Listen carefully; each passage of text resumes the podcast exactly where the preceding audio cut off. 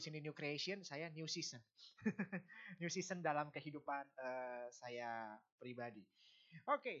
tapi salam dari istri saya. Uh, dia pengen banget ke sini tadinya, tapi karena anak saya nggak bisa diajak keluar, masih baru tujuh hari ya. Dan habis ini juga kita uh, mau berjumpa dia kembali. Jadi uh, salam katanya dan dia berharap saudara juga diberkati ya uh, di hari-hari ke depannya. Amin. Ya, sebelum saya mulai lebih jauh, boleh gak kita berdoa sekali lagi ya? Kita tundukkan kepala. Tuhan Yesus, terima kasih buat siang hari ini kami mengucap syukur buat apa yang Tuhan kerjakan di tempat ini Tuhan. Terima kasih buat uh, hadiratmu, terima kasih buat semua yang Tuhan kerjakan dalam hidup kami uh, di tahun yang lalu dan masuk ke tahun yang baru ini. Kami mau letakkan harapan kami lebih lagi di dalam Tuhan. Dan kami mau dengarkan sebagian daripada firman, kami mau buka hati kami untuk ditanami benih kebenaran firman. Urapi semua dan juga urapi hambamu Tuhan, agar apa yang disiarkan pada siang hari ini tepat sasaran dan boleh jadi berkat buat kami semua. Terima kasih Tuhan, di dalam nama Tuhan Yesus kami berucap syukur. Amin. Oke, okay. uh, saya akan mulai dari sebuah pertanyaan ya buat saudara semua. Saya akan mulai sebuah pertanyaan buat saudara semua dan hari ini Uh, pertanyaannya sederhana. Saya mau saudara memilih ya, jangan diganti dulu slide-nya. Saudara memilih uh, calon pemimpin nih ceritanya. Kan sekarang lagi tren ya, kita lagi ada debat uh, cagup ya, cagup satu, cagup dua, cagup tiga. Saudara bisa nanti pilih uh, calon gubernur yang saudara inginkan. Dan inilah beberapa kandidat ya, jangan diganti dulu slide-nya. Kandidat yang pertama saya sebutkan ciri khasnya saudara ya. E, kandidat pertama adalah orang yang terkenal sebagai e, misalkan saudara memilih pemimpin, orang calon pertama ini adalah orang yang e, politisi yang terkenal curangnya ya. Dan dia percaya perbintangan. Punya dua istri. Ngerokoknya nggak berhenti berhenti kerjaannya minum 8 gelas martini sampai 10 gelas martini mar, kalau saudara nggak tahu martini ya martini bukan coklat oke okay? martini semacam liquor I think gitu ya, minuman keras dia suka minum 8 atau 10 gelas per hari, bukan air putih yang jelas, oke. Okay? Itu calon yang pertama. Atau saudara memilih calon yang kedua. Calon memilih yang kedua eh, di PHK-kan oleh kantornya dua kali. Kalau tidur subuh terus, kerjaannya ngisap ganja waktu kuliah dan minum whisky sering juga di waktu malam. Nah, calon yang ketiga. Calon yang ketiga, uh, dia ternyata uh, pahlawan perang vegetarian ya, nggak nggak nggak ngerokok, nggak minum, ya minum bir jarang-jarang dan nggak pernah selingkuh dengan istrinya. Bisa sedap. Kira-kira saudara mau pilih yang mana? Yang satu, yang dua, apa yang tiga? Jadi pemimpin saudara. Super sekali satu ya. Saudara mau pilih yang mana? Satu, dua, atau tiga? Yang pilih satu, angkat tangan. One and the only, oke? Okay? Yang pilih nomor dua, angkat tangan. Nggak ada ya. Yang pilih nomor tiga buat jadi calon pemimpin angkat tangan. Lebih banyak, oke? Okay? Lebih banyak, lebih banyak, lebih banyak. Oke. Okay. Boleh ganti slide-nya. Kalau saudara memilih yang pertama, saudara memilih orang ini. Ini namanya adalah Franklin D. Roosevelt. Salah satu pemimpin besar Amerika.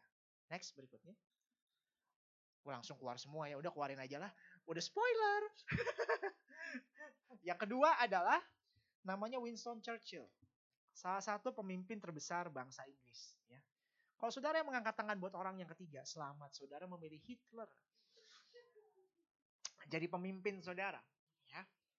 Uh, saya nggak bermaksud menjebak, tapi saya juga kejebak. Jadi saya mau mengajak orang lain terjebak juga waktu saya membaca ini.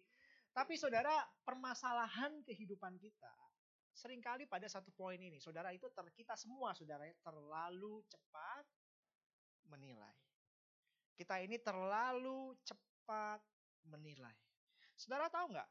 Uh, salah menilai bisa menimbulkan sesuatu yang lebih gawat di dalam kehidupan kita.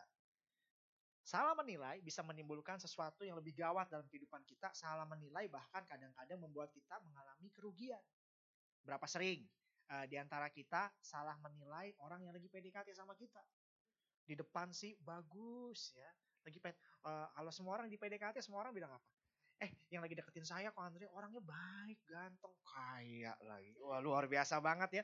Kayaknya semuanya menjanjikan ya. Tapi dia lupa namanya PDKT semua orang jadi baik. Gak ada orang PDKT jambak-jambakan.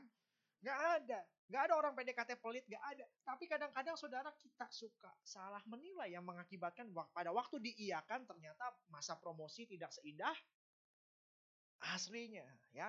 Jadi dalam hal-hal tertentu kita sering kali salah menilai. Nah, pada siang hari ini saya diminta untuk sharing soal new creation, bagaimana kita um, bertumbuh menjadi ciptaan yang baru.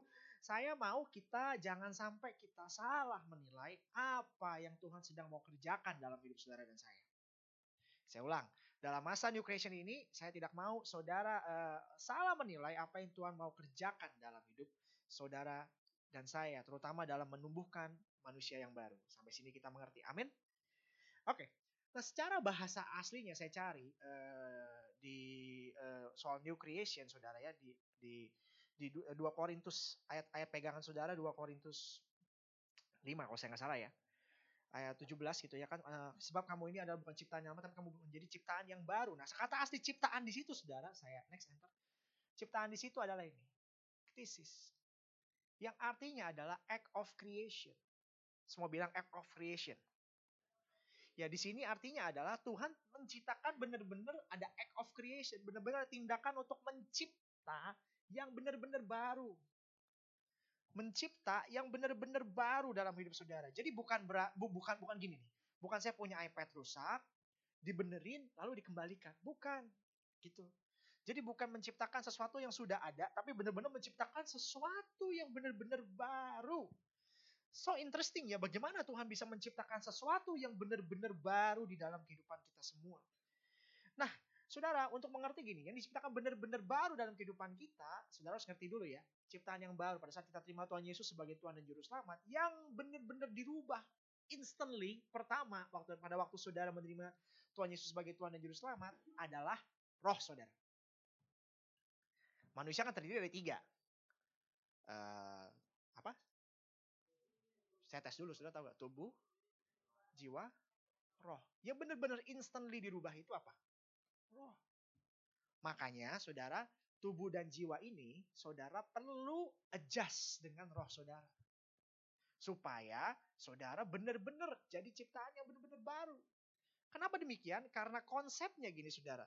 Uh, pada saat roh kita dirubah, roh kita menjadi baru otomatis, tapi jiwa dan tubuh kita belum mengalami perubahan. Ini penting. Kenapa? Karena banyak orang berpikir gini, saudara. Perubahan itu datangnya dari faktor yang luar.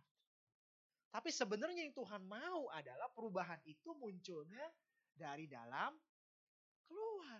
Maka kita sering nyanyi lagu inside out dari dalam keluar bukan dari luar ke dalam. Karena kalau dari luar ke dalam, itu sifatnya nggak sekuat dari dalam keluar. Dan bahkan dipengaruhi oleh keadaan. Ya, bahkan dipengaruhi oleh keadaan. Contoh, berapa sering kita punya teman bilang gini nih, gua sih mau berhenti ngerokok. Tapi besok deh, sama kayak teman-teman kita, ada tulisan apa? Diet start tomorrow. Diet start tomorrow. Karena belum kepepet, sudah. Tapi ada orang, saya yakin ada orang itu yang ngomong yang sama, dia mau ngerokok berhenti, ya kalau dia dia dia dia akan bener-bener berhenti kalau didorong faktor dari luar. Kalau gini nih bunyinya, apabila ada dokter bilang sama dia, satu batang rokok lagi kamu isap, kelar hidup loh. Mati, baru kemungkinan dia akan berhenti merokok. Tapi perubahan kayak gitu sulit sebenarnya. Atau banyak di antara saudara yang mungkin yang lebih dekat dengan kehidupan saudara mungkin ini ya. Saya yakin sih muka saudara kan nggak ada muka-muka perokok ya kan. Ya uh, di, yang lebih dekat dalam hidup saudara mungkin begini. Uh, ada seorang cowok yang mungkin bilang sebegini, ih gue lagi suka lo sama si Yuni. Kalau yang namanya Yuni saya pinjam namanya. Ya. Gue lagi suka nih sama si Yuni. Dia kan bilang dia suka cowok yang kerja keras. Lo kan tahu gue gamer banget. Sekarang gue keras dong ya kan. Demi memenangkan hatinya si Yuni tadi. Dia suka orangnya gamer. Gue gimana nggak gamer? Gue addicted sama Dota satu Dota dua dot dotan dot apalagi nggak tahu lah. Satu dua tiga pokoknya main game itu asik lah. 14 jam gue bisa main game sehari. Tapi si Yuni bilang gue pernah denger curhatannya dia bilang dia suka cowok kerja keras cari duitnya pinter. Wah ini nggak bisa nih begini. Demi memenangkan hatinya dia gue berubah bahkan rambut pun gue rubah dulunya gondrong ya ombre ombre di kecoa lah ombre ya kan gunting jadi rapi, sekarang nggak pernah pakai kemejaan, oh ganti kemejaan karena pengen memenangkan hatinya si Yuni. Something change. Kalau kita berubah, kata tadi kita dengar ya, I want to be the change. Now I'm change. Demi Yuni, ya kan? Eh, dia udah investasi waktu, kerja keras, capek-capek demi mendapatkan si Yuni. Tak disangka, tak dianyanya si Yuni suka sama orang lain. Hancur hatiku melihat engkau. Dia kehilangan visinya, kehilangan siunnya itu. Orang yang kehilangan visi akan kembali ke kehidupan masa lalunya. Ya kan? Lalu apa yang terjadi? Yuni, ternyata kamu sama dengan wanita lain. Sudahlah, aku lebih baik gak suka sama wanita. Aku suka sama Dota saja. Gantilah kembali dia gondrong lagi main Dota. Ngerti maksud saya gak? Itu perubahan yang datangnya dari mana? Luar. Not strong. Tapi kalau yang datangnya dari dalam, apalagi kesadaran saudara akan kebenaran firman, firman itu berakar, bertumbuh. Ngakar dulu kuat, lalu grow, bertumbuh dan berbuah. It's going to be different. And your life will never be the same.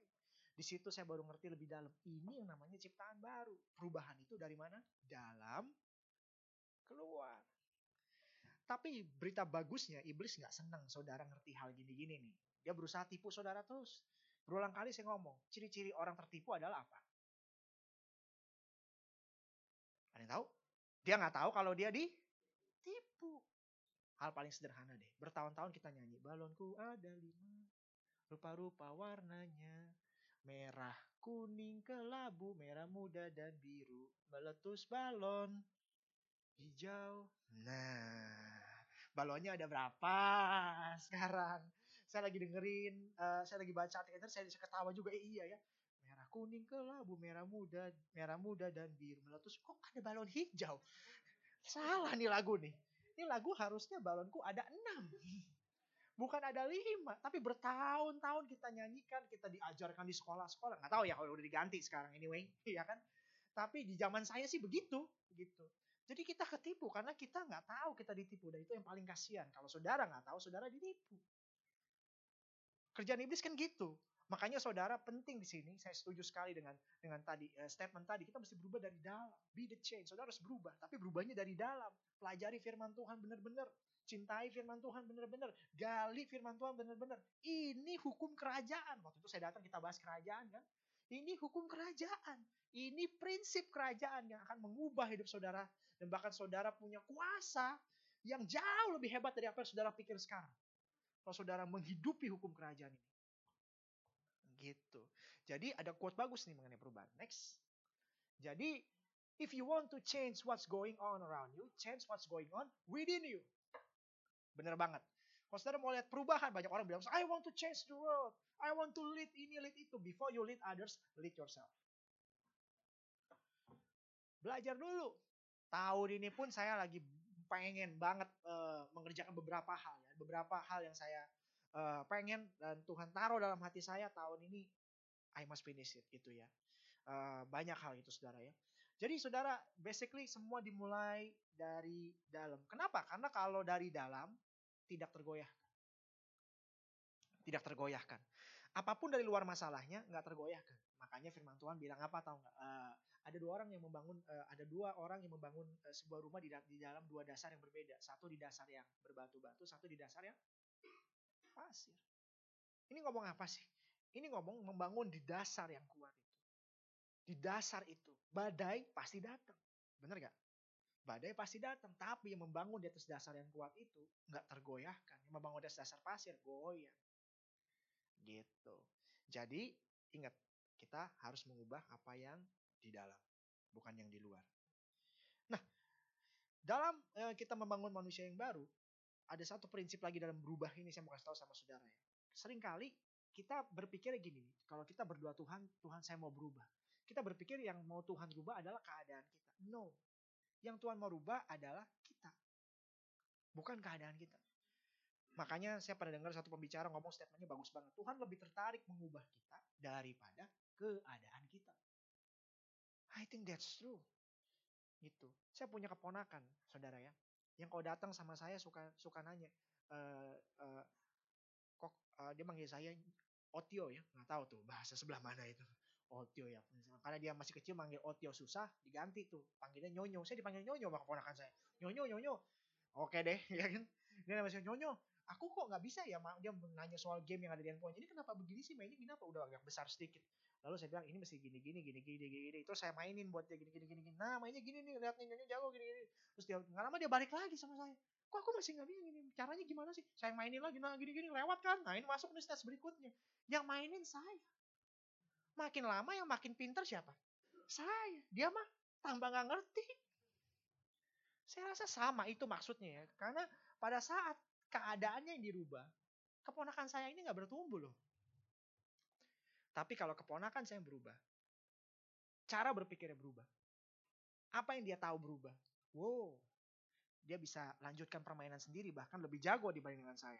Semenjak saya ngerti hal gitu-gitu saya pikir iya ada bener ya Tuhan lebih tertarik mengubah saudara daripada keadaan saudara. Jadi jangan minta keadaan saudara dirubah dulu buru-buru. Amin. Kasih tahu kiri kanannya. Sadar, Bo. Oke ya. Saya ngomong panjang lebar sedikit tadi mengenai berubah dari dalam keluar. Nah sekarang, cara Tuhan mengubahnya, cara kerja Tuhan gimana sih?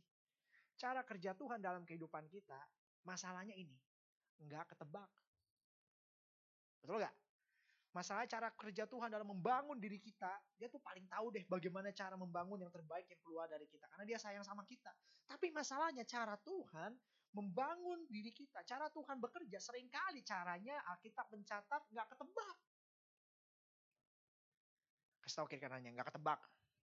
Nah masalahnya saudara suka nggak yang nggak ketebak-tebak? Satu-satunya saya yakin, satu-satunya yang saudara suka nggak ketebak kalau saudara nonton film.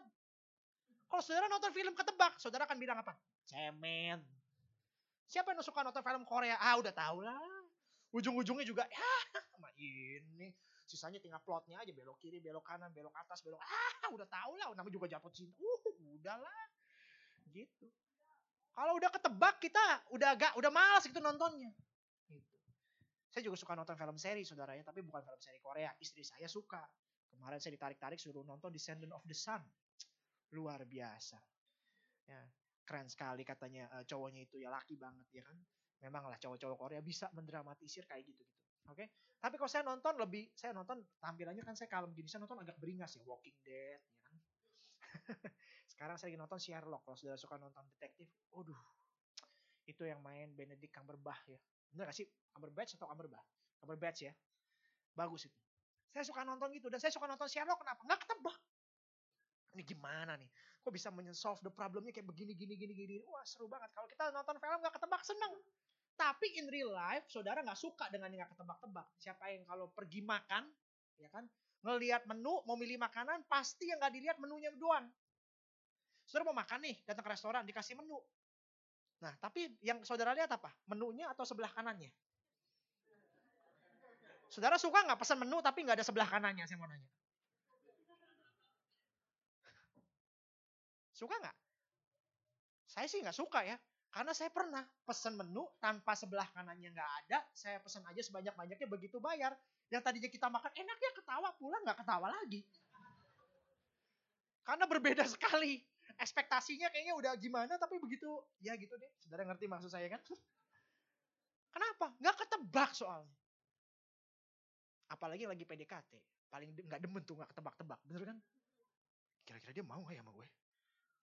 Bahkan kita tanya sampai 10 orang. Eh, kita kayak berusaha cari afirmasi dari 10 orang ya kan.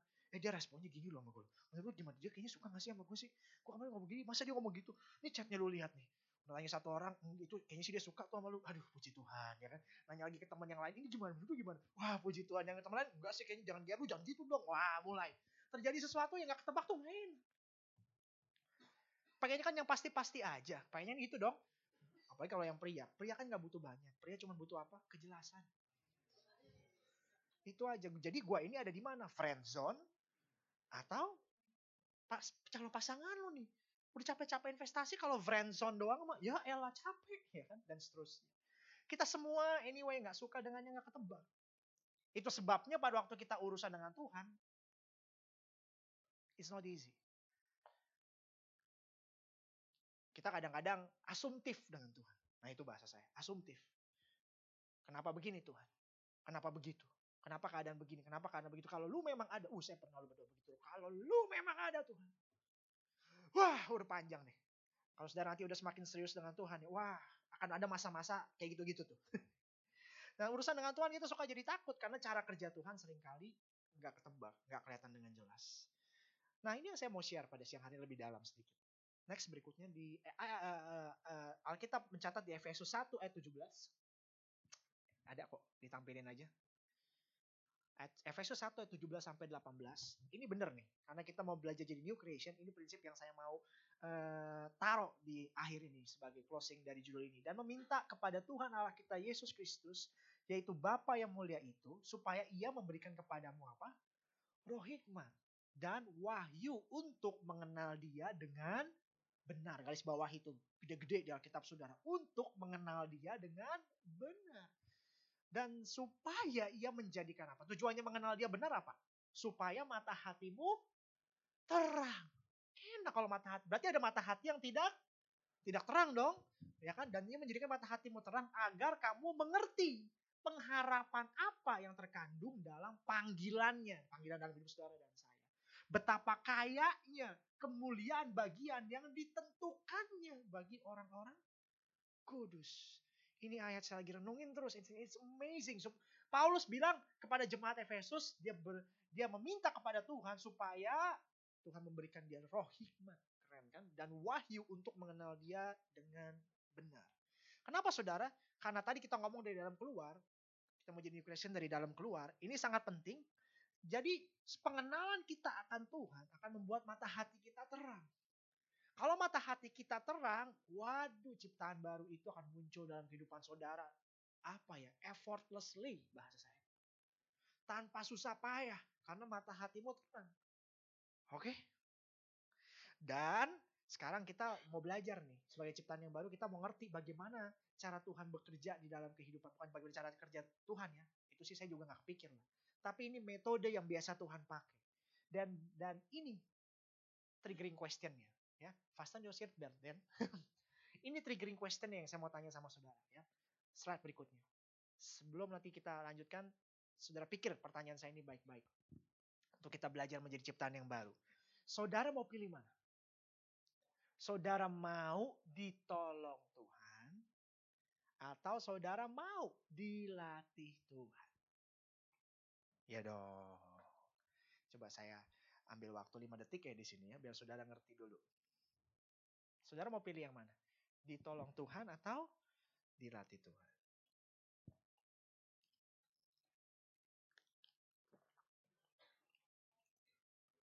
Ya. Seru kan? Coba, ini triggering question ya nih. Saudara itu mau yang mana? Ditolong Tuhan atau dilatih Tuhan? Honestly to say ya, cara tuh saudara berdoa gimana biasanya sama Tuhan? Ngomongnya gimana? Tuhan, suka-sukamu. Bentuk saya Tuhan. Atau Tuhan, tolong dong. Ayo yang mana? Biasanya saudara berdoa. ini ini pertanyaan ngeri memang, betul. Betul bro, ini pertanyaan ngeri ini. Bener, ini pertanyaan ngeri. Karena kita belajar di ciptaan yang baru nih. Soalnya mesti ngerti. Tuhan mau mengubah kita. Kan tadi saya udah bawa tuh cara berpikir saudara. Ya kan? Tuhan lebih pengen ngerubah saudara. Menurut saudara cara dia ngerubah saudara gimana? Makanya saya tanya, apakah saudara banyak, apakah saudara mau ditolong atau dilatih? Supaya kita nggak asumtif dengan Tuhan. Karena begini saudara, karena dari cara berpikir ini aja, pada saat Tuhan diam, kadang-kadang saudara berpikir Tuhan jahat. Atau si setan membuat membuat saudara berpikir kalau Tuhan kita jahat. When life get hard, pada saat hidup mungkin menjadi sulit buat saudara, si setan berusaha tipu saudara. Nah masalahnya saudara mau yang mana? Ditolong Tuhan atau dilatih Tuhan? Tapi udahlah kita sama-sama jujur ya. Pada waktu kita berdoa kebanyakan kita ngomongnya apa? Tuhan, colong Tuhan. Colong. Colong Tuhan. Aku mau ini Tuhan.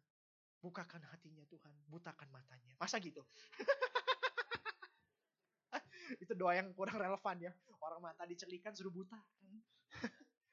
Saudara kita sering kali berdoa, Tuhan tolong, tolong, tolong, tolong, tolong hal yang simpel aja ya. Saya rasa saudara sudah cukup pintar dan cukup dewasa. Saya cuma ambil beberapa poin. Next berikutnya.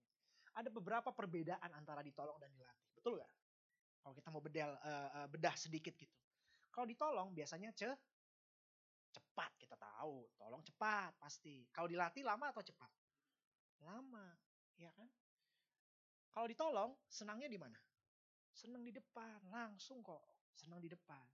Tapi kalau dilatih Susah di depan, senangnya di belakang. Pada waktu ditolong, keadaan yang berubah sesuai dengan yang kita mau. Tapi pada saat kita dilatih, kita yang berubah lebih kuat. Betul atau betul? Ya kan? Kalau ditolong, masalah yang lama, ya masalah pada saat ada masalah yang sama datang, kita lemah. Tapi pada waktu kita dilatih, masalah yang sama datang, menang pasti. Yang berikutnya, tadi saya udah ngomong sih, spoiler di depan, Tuhan jahat karena pada waktu Tuhan sepertinya nggak merubah keadaan kita lagi, kita bilang apa? Tuhan jahat kamu Tuhan, karena Tuhan nggak mau tolong saya lagi.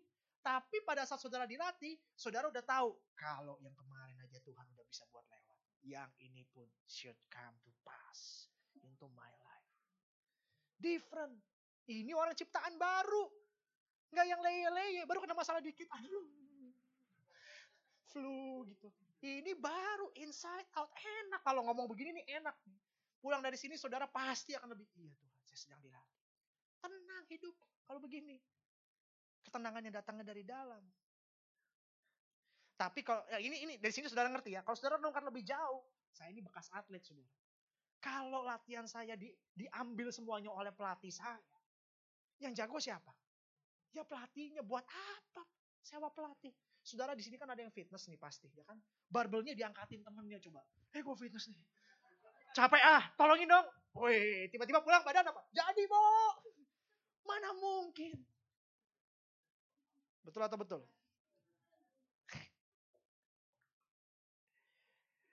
Jadi saudara, dari sini kita udah tahu ya. Next gambar berikutnya. Sometimes, dengerin saya baik-baik nih. In terms of this ya, dilatih dan ditolong. Sometimes cara kerja Tuhan is not the easy way. Sometimes it comes with hard ways. Karena dia punya tujuan yang lain yang dia mau bangun dalam hidup saudara. Bukan yang easy ways, tapi hard ways. Dulu saya pernah ditanya sama teman eh, sama teman SMA, kan kita ketemu ya udah lama teman SMA kan. Ya kan? Ditanya, "Eh, masa-masa kita SMA asik ya?" Asik, saya bilang gitu. Guru favorit lu yang mana? Jawabannya nyeleneh sedikit saya, saudara, uh, uh, saudara ya. Saya jawab biasa, saya jawabnya nggak kepikiran ya. Saya coba jawab, oh si Pak ini, Pak ini, Pak itu. Nama kita kumpul-kumpul gitu, teman saya satu lagi tanya, kalau lu yang mana? Jawabannya membuat saya berpikir juga sih. Jawabannya begini, tergantung. Yang lu maksud yang mana? Yang membuat kita happy-happy senang-senang atau yang membuat kita makin pintar? Wih, bener juga. Yang mana? Yang membuat kita happy-happy senang-senang atau membuat kita makin pintar? Karena kadang-kadang keadaan yang membuat kita senang-senang aja belum ber bukan berarti akan membuat kita bertumbuh loh. Keadaan yang membuat kita nyaman-nyaman aja bukan berarti membuat kita bertumbuh loh, benar nggak? Kadang-kadang ada ada ada guru, ada ada apa yang kayaknya kayaknya push kita atau dalam kepengurusan inilah sederhana dalam gereja kadang-kadang ya ada momen-momen di mana kayak jeruk tuh biasanya diperes gitu. Tapi it make me grow, it make us grow, betul atau betul nggak? Iya kan? Kalau momen kayak begini, saudara next gambar berikutnya. Siapa yang nggak seneng dia ditraktir makan begini? Semua juga seneng, hati senang, lidah dimanjakan, perut dimanjakan. Tapi momen-momen begini nggak membuat badan saudara jadi lebih sehat. Betul nggak? Jadi sekarang kita mulai, jadi itu sebabnya saya masuk di poin saya yang pertama pada pagi hari ini adalah yang ini. Nah, metode Tuhan adalah melalui jalan yang sulit. Saudara mau catat, catat tuh. Metode Tuhan adalah lewat jalan yang sulit. Karena ini nah, dari gambarnya saudara tahu, yang tadi makan enak gak? Enak. Coba begini 20 kali. Besok saya pernah loh fitness saudara serius udah pusat, angkat barbel, ini segala macem. Besok maaf nih saudara, ngangkat gayung aja sakit, Bo. Jarem kalau kata orang tuh. Tetep, aduh, ini lu mau siram badan sendiri aja sakit. Ya kan? Tapi coba kalau saya bilang, gara-gara ini sakit, ini pasti bukan dari Tuhan. Terkutuklah tempat fitness. Masa begitu? Kan nggak mungkin begitu. Saudara, dari nature kita aja, badan kita, nature-nya aja kita tahu kok. Ya kan? The pain that you feel, it's change, kata orang zaman sekarang. Keren. Itu saya lihat di mana tuh, fitness first. Tagline-nya begitu. The pain that you feel, it change. Sakit yang rasakan, itu namanya perubahan. Ini bener juga ya. Saudara, eh, badan kita diciptakan nature-nya begitu. Kalau saudara masih nggak percaya Alkitabiah atau enggak, saudara perhatikan aja bagaimana Tuhan Yesus datang ke dunia. Caranya susah. Dia itu raja di atas segala raja. Kalau lahirnya di keluarga istana, everything going to be easy. Tapi dia datang ke perawan Maria. Masih mending udah kawin itu pasangan. Belum kawin. Datang sama Maria yang belum nikah. Itu kan problem worse ya kan. Jadi lebih parah dong. Bener gak? Datang ke perawan. Jadi Maria susah. Saya yakin lebih susah jadi Yusuf. Coba saudara punya pacar, tiba-tiba pacar saudara bilang gini. Sup, ya sayang, mau ngomong apa? Aku pengen ngomong sama kamu sesuatu yang serius sekali. Wah apa sayang? Aku hamil. Apa? Aduh, saya kalau saya jadi Yusuf belum tentu itu saya sabar panjang sabar begitu ya. Udah gitu kamu hamil, kamu nggak cinta sama saya. Jadi selama ini kita ini apa? Wah dan seterusnya. Siapa pelakunya? Jawabannya lebih nggak reasonable lagi. Siapa pelakunya? Roh Kudus. Nggak usah ngomong-ngomong Roh Kudus. Pasti begitu mungkin. Nggak ada tuh. Sepanjang sejarah dunia ini ada. Mana ada orang hamil dari Roh Kudus? It's not easy, man. Akhirnya tapi mereka getting through juga. Bahkan untuk membuat lebih dahsyat lagi kelahiran Tuhan kita itu satu kota hotelnya full book. Itu kan aneh apa dia nggak punya cara lain, jam lain, hari lain apa buat itu? Coba saudara pikir baik-baik.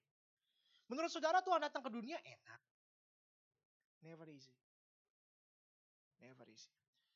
Jadi kita paham nih saudara sekarang cara Tuhan berkarya menimbulkan yang baru dalam hidup kita ini kadang-kadang saudara ya bukan peristiwa yang ngenakin tapi kadang-kadang ngenekin membuat kita jadi enak bukannya enak dalam terms yang negatif saudara ya saudara pernah naik naik roller coaster gak ya kan saya kan pernah kalau pada saat naiknya enak pada waktu mau turun kan udah mulai enak dikit tuh kan saudara duk duk duk duk duk duk duk duk jadi kayak sometimes bukan kejadian yang kayaknya ngenakin buat kita tapi kadang-kadang membuat kita sport jantung saudara never easy jadi saudara sekarang saya mau afirmasi sama saudara. Kalau saudara mengalami situasi yang berat saat ini, jangan kecil hati. Siapa tahu saudara sedang dilatih Tuhan. Siapa tahu saudara sedang dikembangkan oleh Tuhan untuk menjadi sesuatu yang baru yang saudara nggak pernah pikir menuju destiny saudara. Maybe it doesn't feel like good, but trust me, pada saat Tuhan yang memimpin hidup saudara, it's always good. Jangan merasa aneh. Jangan merasa Tuhan jahat, tapi Tuhan bisa memakai situasi yang nyusahin untuk membentuk saudara. Amin. Jadi jangan saudara mikir gini, kok kayaknya Tuhan diem aja ya? Kok kayaknya Tuhan gak peduli dengan saya? Kayaknya saya udah melayani Tuhan dia dengan baik. Masa sih orang yang melayani Tuhan disusahin terus? Saudara Alkitab mencatat di Yohanes 15 kita sama-sama tahu. Di sini ada gambar pohon. Ranting yang gak berbuah di memang dipotongnya. Tapi ranting yang berbuah dibersihkan. Ya, saudara mesti cari di Alkitab arti kata dibersihkan itu pruning. Pruning itu artinya akar-akar yang masih kurang-kurang bertumbuh masih dicetek lagi, diproses lagi juga saudara. Jadi yang berbuah pun kena juga tuh bagian potong bersihin gitu kena. Jadi kalau saudara merasa kayaknya tuh kayak udah mulai benar hidup sama Tuhan saudara. Wah kok kayaknya banyak yang dipotong-potong juga. Saudara sama. Dipotong untuk berbuah. Dipotong untuk jadi lebih subur lagi. Amin. Seringkali Tuhan akan memotong apa yang Tuhan pikir akan membebani hidup saudara sebenarnya. Seringkali Tuhan akan memotong hal-hal yang membuat saudara nggak bertumbuh kok. Tapi saudara bersedia atau berpikir dengan benar nggak tuh? Ikut Tuhan yang nggak ketebak. Banyak saudara kalau saya mau ceritakan dari dari berbagai kisah di Alkitab banyak saudara. Bukti lain di Alkitab adalah satuan memilih pemimpin mengeluarkan bangsa Israel dari Mesir. Bukannya pilih pemimpin yang luar biasa, dia pilih pemimpin dari pembunuh saudara. Yang gagap. Dan bahkan lucunya Musa dipanggil menghadap Firaun. Itu kan membuat kisah lebih susah lagi. Orang yang dulunya kabur dari Firaun suruh balik sama Firaun. Kenapa dia nggak pilih orang lain sih dari dalam bangsa Israel sendiri? Dia pilih Musa. Orang yang kabur dari Firaun disuruh balik sama Firaun. Dan yang lebih seru lagi Tuhan bilang sama Musa. Kan Musa gagap kan. Musa bilang Tuhan saya ini nggak bisa bicara. Kenapa pilih saya? Ya Tuhan jawab luar biasa. Emang yang bikin lidah siapa? Wih sedap. Kamu balik soal ke Mesir. Hadapilah Firaun. Kalau saudara jadi saya dan Musa, pasti kalau saudara jadi Musa, pasti saudara berpikir dong, oke ini Tuhan yang suruh ya. Pada waktu gue berhadapan dengan Firaun, pasti Firaun akan takluk. Wah, apalagi tanda-tandanya dikasih. Lempar tongkat jadi ular, tangan jadi kusta dan seterusnya. Tapi begitu sampai ketemu sampai di Firaun, uh, sampai di tempat Firaun, saudara, Firaun nggak gini loh, begitu Musa datang, Musa bawa apa? Pesan dari Tuhan. Oh Tuhan ngomong gitu, Alhamdulillah, silahkan keluar kalian dengan baik. Monggo, enggak. Things getting worse. Yang lucu adalah Alkitab mencatat Tuhan mengeraskan hati Firaun. Aduh. Siapa yang mengeraskan hati Firaun? Tuhan. Yang suruh Musa datang sama Firaun siapa? Come. Ini mess up ya. Mess up banget nih. Ya kan? Tapi itu semua ada tujuannya, saudara. Semua ada tujuannya loh. Aduh, bahkan lebih gila lagi pada saat membawa bangsa Israel keluar dari Mesir itu setelah 10 tulah itu saudara ya. Mereka berjalan akhirnya dilepaskan Firaun. Alkitab mencatat saya baca Firaun mempersiapkan 3000 pasukan kereta terbaiknya untuk ngejar itu bangsa Israel. Dan Tuhan bukannya membawa bangsa Israel melewati Laut Merah, ya kan? Tapi Tuhan membawa posisi yang benar-benar kejepit. Di depan Laut Merah itu. Kanan nggak bisa, kiri nggak bisa, depan nggak bisa, belakang musuhnya datang. Cuma satu-satunya jalan apa? Tengok ke atas aja itu dia.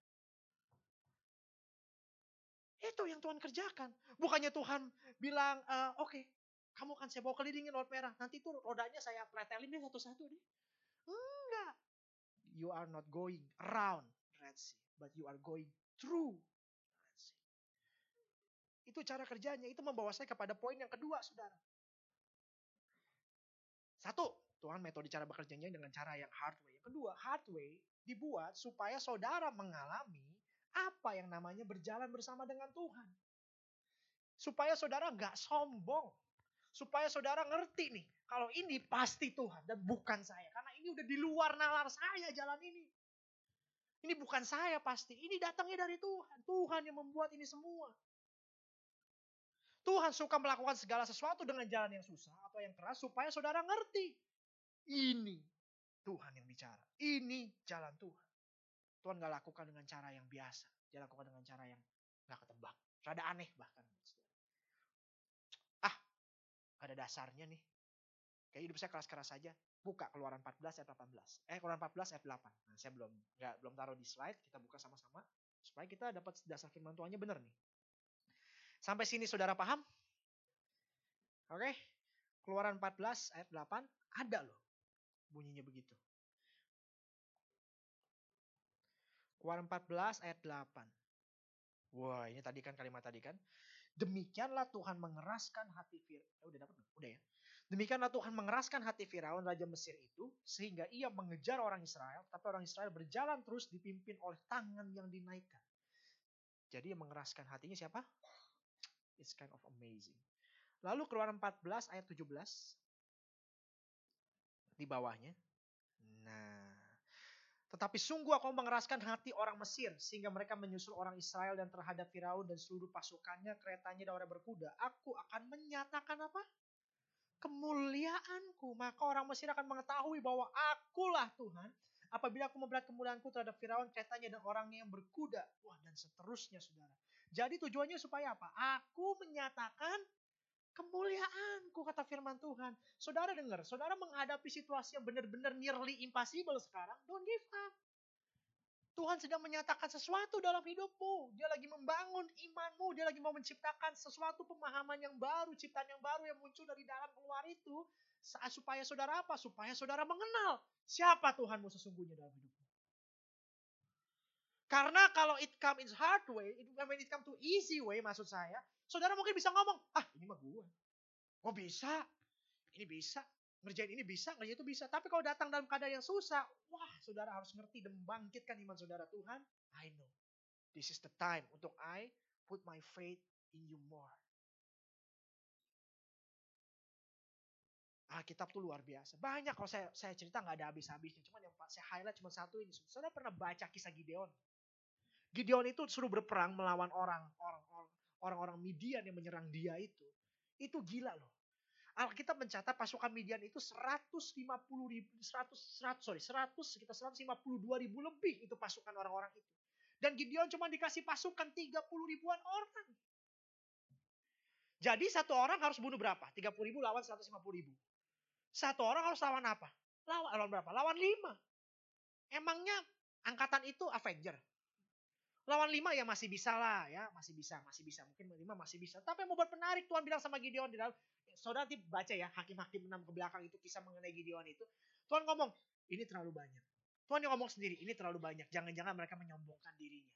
Lalu Tuhan ngomong sama Gideon, Gideon ngomong begini sama pasukan kamu. Yang takut pulang.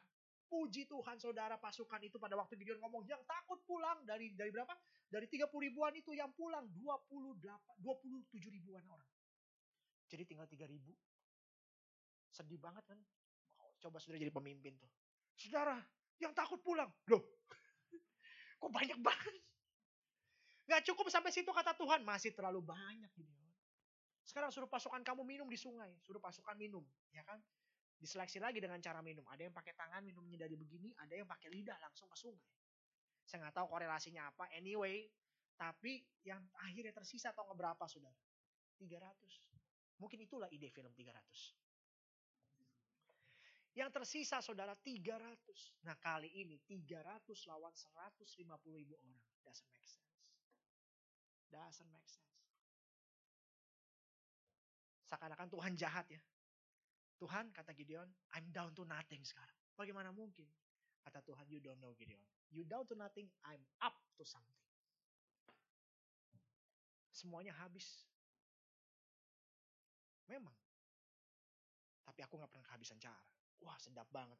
Nanti saudara baca sendiri nanti menang perangnya. Aduh menang perangnya aneh. Saudara Gideon itu menang perang tau dengan cara yang bener-bener aneh. Lempar tempayan, lempar bejana, pecahin, cuma teriak. Perang untuk Tuhan, perang untuk Gideon. Bunuh-bunuhan musuhnya. Tuhan buat jadi bunuh-bunuhan. Gila. That's God. Cara kerja Tuhan kadang-kadang begitu. Berapa tahun yang lalu, uh, orang tua saya uh, papa saya tepatnya, itu difonis dokter. Dia jatuh dari tangga, kita cek palanya ada tumor gede di otaknya itu. Itu difonis dokter. Dia bilang papa kamu ini umurnya nggak bisa lama. Tahun pertama dia di tahun pertama tahun kedua dianalisa begitu. Uh, di, mesti disuntik dari bawah, gitu, suntik dari bawah. Uh, jadi suntiknya masuk maaf dari paha sini naik ke atas ke tumornya, supaya tumornya dimasukin cairan uh, dan diharapkan mengecil itu bertahun-tahun, dua tahun pertama nggak berhasil. Dan dia ya oke okay lah masih tetap bertahan hidup dua tahun dari dari kita identifikasi pertama tahun ketiga, aduh nggak disangka jatuh lagi dari tanggal. Abis nonton di bioskop diajak saudaranya jatuh lagi. Kita cek lagi kepalanya MRI. Begitu kita cek kepalanya MRI, eh, kita berharap tumornya tumbuh. Eh berharap tumornya masuknya mengecil, eh malah makin tumbuh. Kaget kita. Dan rumah sakit yang pertama di bilangan Mangga Besar dia bilang begini. Ini yang bisa nyembuhin cuma dua. Satu adanya di UK, satu di Jepang. UK Inggris ya. Satu di Inggris, satu di Jepang. Kalau kita kerjakan di sini Pak, peluang 50-50. Mama saya dengan berita dokter itu nangis. Adik saya sebelah saya nangis juga. Saya ikutan nangis. kita mulai berpikir, duit dari mana? Duit dari mana? Terus kita berdoa, terus saya bilang saya nggak jawab buru-buru deh pak, ya kita berdoa dulu. Kita berdoa segala macam, ada teman bilang coba cari second opinion. Oh iya juga, kita cari second opinion. Saya bawa ke hasil papa saya ke rumah sakit yang besar di bilangan Karawaci Ke sono. Ketemu tim dokter yang terkenal banget urusan otak. Puji Tuhannya saudara ya. Puji Tuhannya gini. Puji Tuhannya janjian ketemunya jam uh, eh, 2 siang. Ketemu si dokter jam setengah 11 malam. Dan kita stay di situ. Sampai dokternya kaget ngeliat saya sama adik saya. Kalian dari jam berapa? Setengah dua loh. Sekarang jam setengah sebelas kok belum pulang? Pasti ada sesuatu. Iya, iya ada sesuatu dok. Saya butuh second opinion buat papa saya. Dokter yang terbaik katanya di Jakarta. So, help. Lihat. Dia bilang gitu. Begitu dia lihat saudara. Dia bilang gini. Sebelum saya jawab satu. Kamu nih anak siapa? Dia bilang gitu. Saya sebutin papa saya namanya ini, ini, ini, ini. Luar biasa ya kalian ya katanya. Oke, terus dia lihat uh, uh, tampilan ininya, hasil MRI-nya. Dia bilang gini, dokter sana bilang apa? Cuma bisa di UK sama di Jepang. Peluang hidupnya 50-50. Terus dia bilang gini, bawa ke sini. 98% hidup papi kamu. Ah yang bener dok, sebenarnya. 98% hidup. Gitu, 98% hidup. Nanti bilang sama dokter yang di sana, disembuhinya sama, sama, sama dua tangan orang Jepang. Suruh sindir gitu maksudnya, sama dua, sama dua tangan orang Jepang. Ah, ya bener nih dok, dokternya masih muda. ya Baik orangnya. oke oke oke. Oke dok. Besok langsung bawa ke sini. Besok. Yang tunda lagi ya. Saya urusin semua pulang ke Jakarta. Sampai subuh subuh besok pagi angkat semua. Bawa ke rumah sakit di Karawaci itu. Singkat cerita sampai sana dicek semuanya. Papa saya dijadwalkan masuk ruang operasi sorenya. Dokter itu masih bercanda dengan saya udah ini operasinya cukup lama 8 jam 8 jam saya bilang gitu operasi apa 8 jam 8 jam kamu nonton dulu ke bioskop, refleksi, bawa baju berenang nggak? Masih ngeledekin saya, bawa baju enggak. Kalau baju berenang berenang dulu tuh di sini di, di, daerah-daerah sono kan ada tempat berenang, berenang tenang aja, everything is going to be alright. Ini dokter nyelana juga, saya bilang gitu ya kan. Ya sudahlah, dia suruh saya ke ke, ke mall. Ya udah saya ke mall, yang ngopi-ngopi sambil berdoa, biasa texting sama teman-teman bantu doa ya gini-gini segala macam. Ya udah selesai. Singkat cerita saudara, memang berhasil itu operasi tapi seperti saya bilang tadi, kalau kita makan, lihat makanannya enak, lihat sebelah kanannya kurang kurang enak. Nah ini masalah kedua datang dong, operasi sih berhasil, ya dong. Masalahnya yang bayar siapa? Satu, dua, bayarnya berapa? That's problem kan? That's problem loh. Saudara kalau saudara saudara nangkap yang saya cerita rumah sakit di Siloam itu, eh, sebut merek. Rumah sakit yang di sana itu biayanya sudah pasti tidak tidak murah. That's kind of amazing. Saya juga belum mulai bingung ini gimana ini. Dan gereja kami bukan gereja yang mega church, istilahnya bayarin pendetanya operasi. Enggak, enggak. Biasa aja gitu. Jadi ya gimana ya? Kita coba kumpulkan segala macam cara gini-gini gini-gini segala macam untuk bayar dan kita tanya kapan terakhir pembayaran segala macam gitu saudara. Ada beberapa saudara bahkan mau bantu ya seadanya sedikit segala macam kumpulin semua saudara. Uh, puji Tuhan sih saudara ya itu masih kurang. Dari angka yang disebutkan, saudara. Tapi here's the point. Sometimes God work in hard.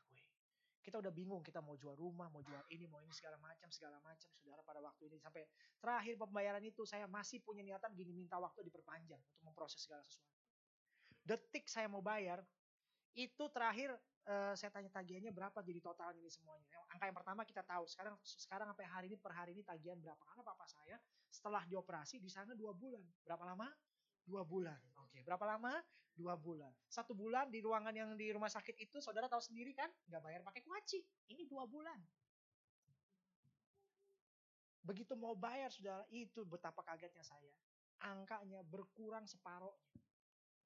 Saya tanya, ini ada yang bayar? Enggak dokternya tidak mau dibayar.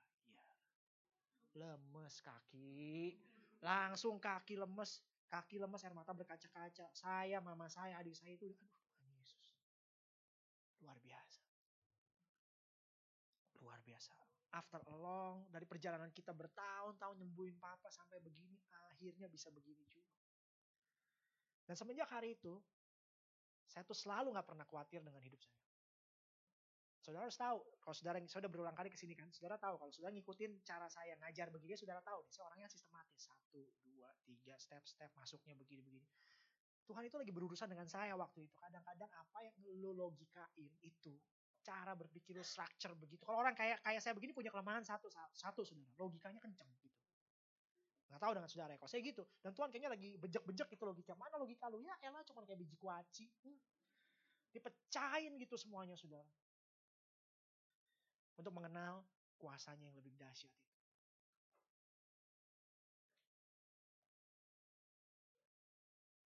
Memang datangnya dari Tuhan, sometimes it come hard way.